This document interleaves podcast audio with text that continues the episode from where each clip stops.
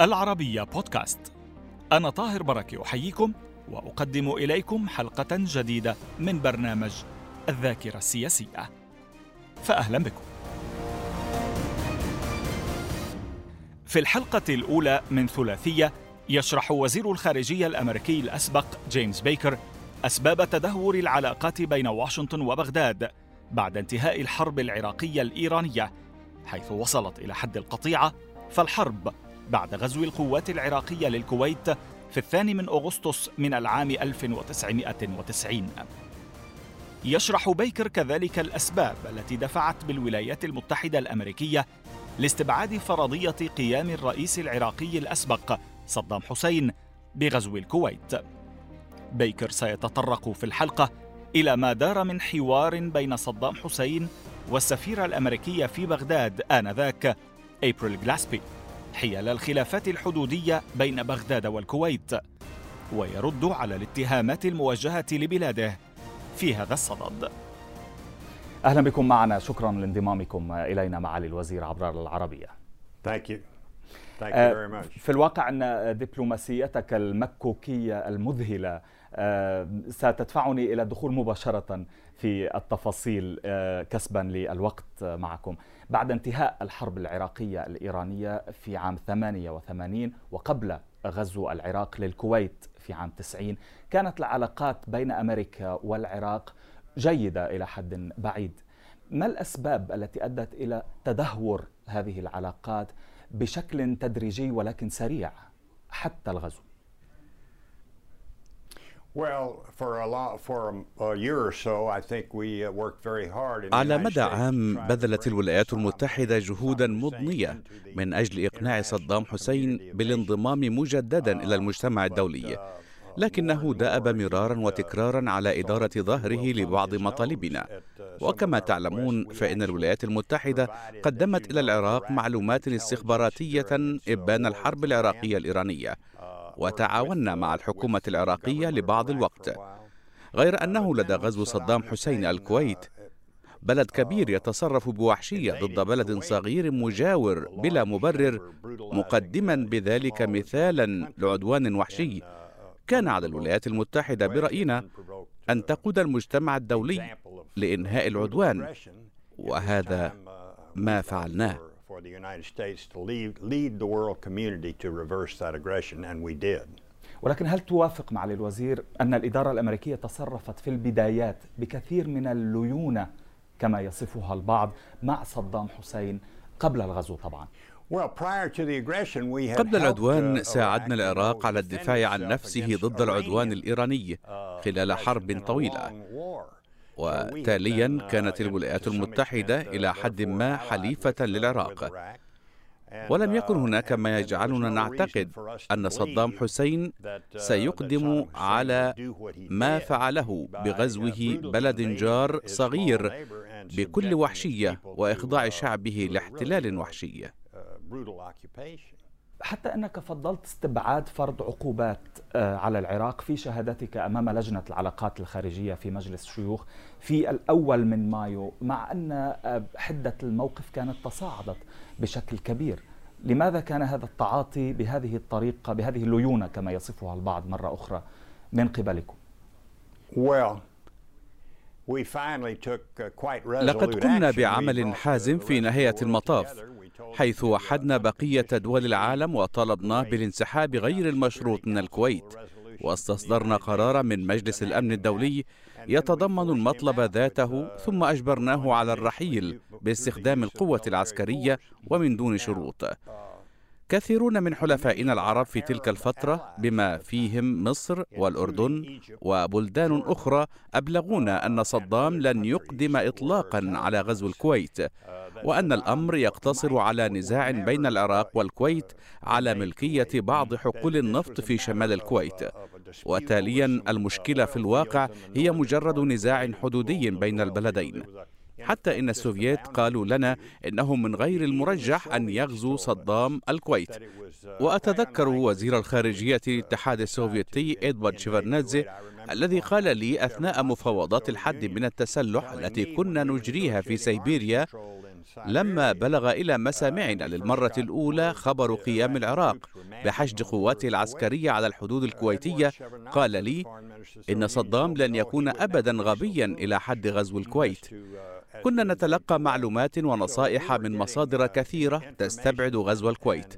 وبمجرد حصول الغزو لم ننتظر طويلا حتى نتحرك وبسرعة حيث قمنا بإرسال قوات كبيرة إلى المملكة العربية السعودية بموافقة الملك فهد وشكلنا قوة عسكرية كبيرة طردت صدام بالقوة من الكويت كما وعدنا. Uh, we built up a major force and we ejected him forcibly uh, from Kuwait the way we said we would do. كنا نتلقى تقارير استخباراتية تشير معالي الوزير في مذكراتك عن حشود عسكرية عراقية قرب الحدود مع الكويت رغم ذلك لم يتم التحرك وكنتم لازلتم تعتقدون بأن ذلك لن يحصل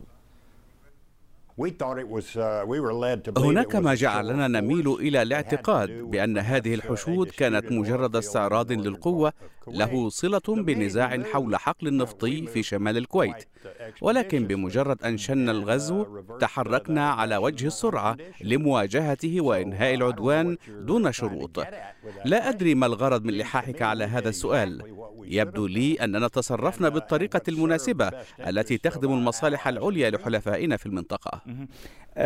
أنتم كنتم تستبعدون بناء على ما كان يقوله حلفاؤكم. أه، العرب أن يقوم صدام حسين بالغزو ولكنكم كنتم تعتقدون بإمكانية احتلال بعض حقول البترول والجزر في الكويت من قبل العراق. أه، هل كان ذلك ليمر بدون التحرك الدولي الذي أعقب الغزو؟ Uh, لست أدري. الأمر كان سيتوقف عما إذا كانت المشكلة مجرد نزاع حدودي صغير حول حقل النفطي أم أنها أمر آخر. وكما أسلفت فإن حلفاءنا في المنطقة في ذلك الوقت أبلغونا أن صدام لن يقوم بتصرف غبي ويقدم على غزو الكويت البلد المجاور ويعتدي بوحشية على سكانه. وبالمناسبة صدام شكل تهديدا حقيقيا للسعودية. لأن الجيش العراقي كان أكبر رابع جيش في العالم ولو لم تتحرك الولايات المتحدة على وجه السرعة وبحزم من خلال إرسال قوات إلى المنطقة ما كان في الإمكان توقع ما كان سيحدث فيها. تعلم معالي الوزير أن الوعي الجماعي العربي يسجل في ذاكرتنا أن واشنطن أوحت عمدا لصدام حسين بإمكانية إقدامه على غزو الكويت. من خلال جملة واضحة صريحة نقلتها وزارة الخارجية وعممتها على السفارات الأمريكية في الشرق الأوسط ومنهم سفيرة الولايات المتحدة في العراق أبريل جلاسبي عندما قالت لصدام إن واشنطن لا تزج بنفسها في موضوع هو من صميم القضايا الثنائية التي تخص العراق والكويت هل يمكن أن توضح لنا ذلك؟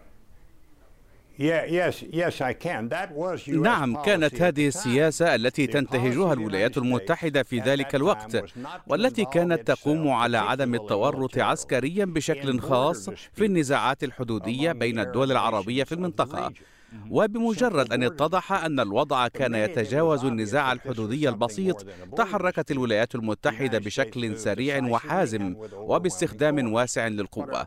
لكن سياستنا كانت تقوم على عدم اللجوء إلى استخدام القوة لتسوية النزاعات الحدودية التي كان يوجد الكثير منها في تلك الفترة بين بلدان كثيرة في المنطقة. لست أدري كيف كان يمكن للولايات المتحدة أن تفعل أكثر مما فعلته لوضع حد للعدوان. والكثير من البلدان في المنطقة لا سيما منها حلفاؤنا كانوا محظوظين لأن الولايات المتحدة تحركت على النحو المعروف. ولكن يعني في الوقت الذي بدأ صدام حسين بحشد قواته على الحدود في وقت يشكو فيه نظيرك العراقي طارق عزيز الكويت والإمارات إلى الجامعة العربية لزيادة إنتاجهما من البترول واعتبار ذلك عدوانا مباشرا على العراق في الوقت الذي تطلب فيه الإمارات مناورات مشتركة مع الولايات المتحدة الأمريكية، ألم يكن من الخطأ الفادح والجسيم على الخارجية الأمريكية كما يقول البعض أن توجه هكذا نصيحة إلى سفاراتها لتعممها عليها لتقول لن نتدخل في أي نزاع حدودي؟ كلا كانت تلك سياستنا التي انتهجناها على مدى سنوات طويلة وقد كانت السياسة المناسبة. صدرت عدة قرارات من مجلس الأمن الدولي. في 25 آب صدر رقم 655 بغالبية كبيرة وصدرت عدة قرارات حتى صدر قرار 678 الذي أتاح استخدام القوة. لقد كشف لي علي عبد الله صالح الرئيس اليمني السابق أنك عرضت عليه ملايين الدولارات لكي يغير موقفه من صدام وأنه لم يفعل. لقد رفض حقا وفي أعقاب التصويت الذي جرى في مجلس الأمن الدولي والذي صوت اليمن خلاله بلا قلت هذا أغلى صوت ربما سيدلي به اليمن. لم نعرض عليهم المال. وما قلناه هو إذا لم تنضموا إلينا سنوقف إعطاءكم مبلغ 250 مليون دولار سنويا على ما أعتقد. وهذا ما فعلناه لأن اليمن صوت بلا على غرار كوبا. فيما امتنعت الصين عن التصويت وبقية البلدان الأعضاء الاثنى عشر صوتت بنعم. دعني أذكرك بأن هذه كانت المرة الوحيدة في التاريخ والتي استخدم فيها مجلس الأمن الدولي صلاحياته بموجب الفصل السابع على هذا النحو. لم يحدث ذلك في السابق وربما لن يحدث أيضا لفترة طويلة من الزمن في المستقبل. لذلك كانت العملية التي تمت ناجعة للغاية.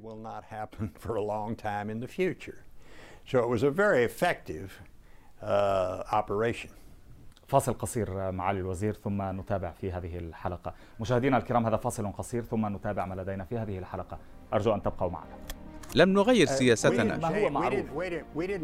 قد يعتقدون ذلك لكنهم مخطئون. فنحن لم نبرم أي اتفاق مع الأسد فيما يخص لبنان uh, لقاء انضمامه إلى التحالف.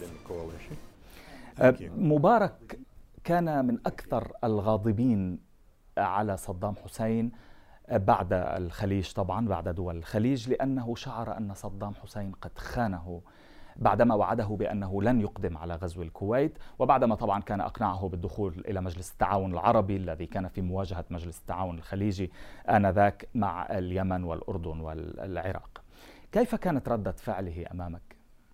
Uh, uh, أعتقد أن الرئيس مبارك كان محقا في الموقف الذي تبناه لأن صدام uh, حسين قال له شخصيا إنه لن يتدخل في الكويت أو يحتلها.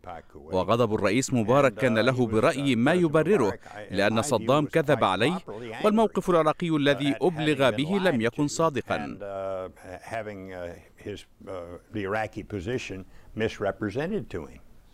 بعد عدة اجتماعات خصوصا مع غورباتشوف الزعيم السوفيتي في هلسنكي توجهت إلى دمشق رغم معارضة دينيس روس المستميتة لذلك. أنت قلت ذلك في مذكراتك لماذا كان دينيس روس لديه هذه المعارضة المستميتة لزيارة دمشق آنذاك؟ دينيس روس لم يكن يعارض زيارتي إلى دمشق لأنه بداية لم يكن يرى داعيا لإشراك سوريا في uh, مساعي التوصل إلى اتفاق سلام شامل بين البلدان العربية وإسرائيل. فهو كان يرى في سوريا دولة رافضة. يجب ألا تكون طرفا في المساعي المبذولة. لكنني كنت في المقابل أرى عكس ذلك حيث يجب إشراك جميع البلدان العربية لمحاولة التوصل إلى تسوية شاملة للنزاع العربي الإسرائيلي.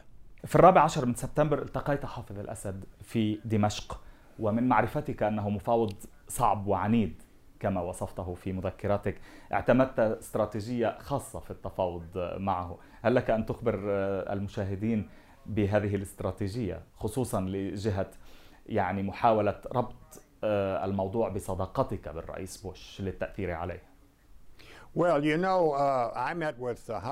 لقد التقيت حافظ الأسد في مناسبات كثيرة لا أستطيع حصرها لكنها بلغت سبعة أو ثمانية uh, لقاءات مطولة. وكان لقرار الرئيس الأسد بالمشاركة في مؤتمر uh, مدريد للسلام. لنبقى في موضوع غزو صدام حسين للكويت والموقف السوري من ذلك عندما التقيت بالرئيس حافظ الأسد.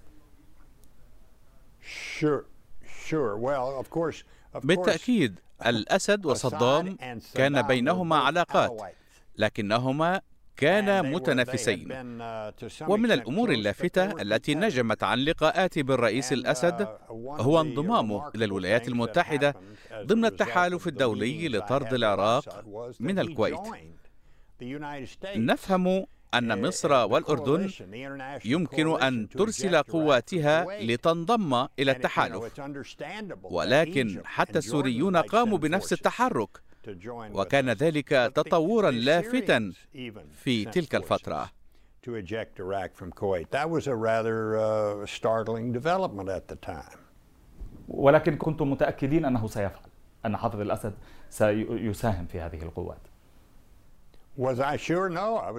كلا لم أكن متأكدا من ذلك لكنه تبنى هذا الموقف في نهاية الأمر وبعدما قدمنا له طلبا uh, بذلك استجاب له لكنه وضع بعض القيود تتعلق بمواقع انتشار القوات السورية والمجال الذي يمكن أن تستخدم فيه.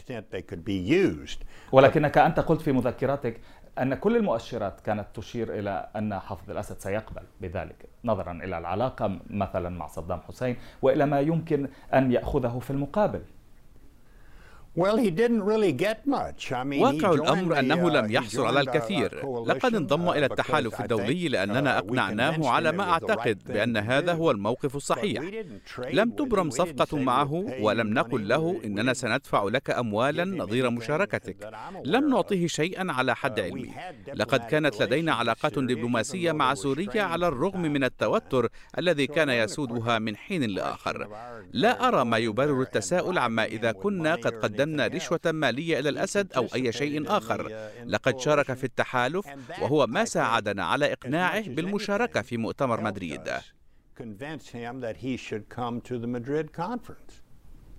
في الواقع الموضوع لا يتعلق بالمال في ذهني وإنما بلبنان ككل. لم نقدم له أي وعود بشأن لبنان ولم نقم بأي تحرك أو نمتنع عن القيام بذلك في لبنان مكافأة له على مشاركته في التحالف الدولي. لم نغير uh, سياستنا. قد يعتقدون ذلك لكنهم مخطئون. فنحن لم نبرم أي اتفاق مع الأسد فيما يخص لبنان uh, لقاء انضمامه إلى التحالف. نعم هذا واضح. ولكن كل ما هو مسجل في الواقع في عقل أي صحفي أو أي متابع مواطن عربي. آه، هو أن آه، سوريا حافظ الأسد قبضت ثمن مشاركتها في الحرب إلى جانب الحلفاء لتحرير الكويت. قبضت هذا الثمن في لبنان من خلال السيطرة الكاملة عليه والتي استمرت لخمسة عشر عاما بعد ذلك. Well, I don't, أقول لك إنه لم يتم بيننا أي اتفاق يتعلق بلبنان لتشجيع الأسد على الانضمام إلى التحالف الدولي المناهض لصدام. ولم نقم بأي عمل في هذا الاتجاه. هل تعتقد أن حافظ الأسد كان ليفعل شيئا ما دون مقابل أن يقدم هكذا آه، تقدمة للأمريكيين بدون أن يحصل على مقابل؟ القوات السورية كانت منتشرة في لبنان منذ فترة طويلة من الزمن وهي تعود على ما أعتقد إلى فترة ما قبل إدارة الرئيس ريغان. صحيح أن الرئيس ميتيران عاتبك عندما ذهبت لتلتقيه بالقول لماذا تتحركون بهذا الشكل في الكويت ولا تتحركون بالشكل نفسه لإخراج الجيش السوري من لبنان؟ The Syrian troops in Lebanon had been there for a long, long time. لم يتعلق الأمر بالسماح لسوريا بإرسال قوات إلى لبنان والموافقة على البقاء فيه في حال قبولها محاربة قوات صدام إلى جانبنا. لم نتطرق إلى هذه القضية أبدا. جملة وتفصيلا. رغم التعاون الأمريكي السوفيتي السياسي والعسكري غير المسبوق في ما يتعلق بغزو العراق للكويت آه، طبعا بسبب الحرب الباردة التي كانت قائمة إلا أن للروس تحفظات أبدوها آه، لكم لكون العراق حليفا آه، لهم. حتى إن غورباتشوف حذركم وقال لكم تحديد مهلة نهائية سيكون له أثر عكسي فالعقلية العربية تتسم بالعناد عندما يكون هناك انذار هل أخذتم بهذه المعرفة السوفيتية بعقلية المنطقة؟ بالتأكيد لقد أخذنا ما قاله السوفييت على محمل الجد لأنه لولا موافقة السوفييت لما حصلنا على قرار مجلس الأمن الذي يجيز استخدام القوة لطرد العراق من الكويت. وكما أشرت إليه فإن العراق كان تابعا للاتحاد السوفيتي. وكان لدى السوفييت بعض التحفظات التي تجاوزوها وأيدوا الموقف الأمريكي من دون تبني الخيار العسكري لكنهم صوتوا لصالح قرار مجلس الأمن. الذي يسمح باستخدام القوة. وكتبت في مذكراتي إن هذا الموقف كان دليلا واضحا على انتهاء الحرب الباردة حيث توحد الموقفان السوفيتي والأمريكي للسماح باستخدام القوة ضد بلد تابع للاتحاد السوفيتي. وهذا كان يعني نهاية الحرب الباردة. We must know the Cold War is over. ما المعلومات التي دفعتك إلى إلغاء فكرة لقاء صدام حسين؟ Uh, صدام حسين كان منشغلا جدا حتى إنه لم يستطع تحديد موعد للقائه uh, موعد لا يكون قريبا جدا من مهلة الخامس عشر من يناير عام 1991 التي حددناها له ليسحب قواته من الكويت. رغم أنه كان له الوقت الكافي لاستقبال زوار آخرين بمن فيهم مواطنون أمريكيون. ولم يكن قادرا على إيجاد الوقت لاستقبال وزير خارجية الولايات المتحدة الأمريكية. في الواقع كان يتعمد الاقتراب أكثر من نهاية المهلة المحددة لإعطاء الانطباع أنه يتباحث معنا وليطلب تمديدا للمهلة. فقلنا له لن نشارك في هذه اللعبة. لذلك سحب الرئيس بوش العرض الذي قدمه بإرسالي إلى بغداد والتقيت بدلا من ذلك بطارق عزيز في جنيف. نعم. عادة هذا يؤثر في القرارات السياسية عند السياسيين عندما يحصل هكذا أمر؟ بالتأكيد إنه تأثر بذلك ولكن الرئيس بوش كان يريد أن يثبت للعالم أننا سنبحث في السبل كلها الآيلة إلى حل سلمي لغزو العراق للكويت إلا أن صدام رفض الانسحاب غير المشروط ونحن كان لدينا قرار دولي يطالبه بالانسحاب غير المشروط تحت طائلة طرده من الكويت بالقوة. كنا حريصين على أن نبرهن بأننا طرقنا الأبواب كلها. من أجل التوصل إلى تسوية سلمية وهذا ما دفع بالرئيس بوش إلى إيفادي إلى جنيف حيث عقدت لقاء مع طارق عزيز استمر لسبع ساعات. شكرا جزيلا لك لمنحنا هذا الوقت. سنتابع معك في الحلقة المقبلة أيضا من الذاكرة السياسية. هكذا نكون قد وصلنا إلى ختام هذه الحلقة أيضا من الذاكرة السياسية مع جيمس بيكر وزير الخارجية الأمريكي الأسبق.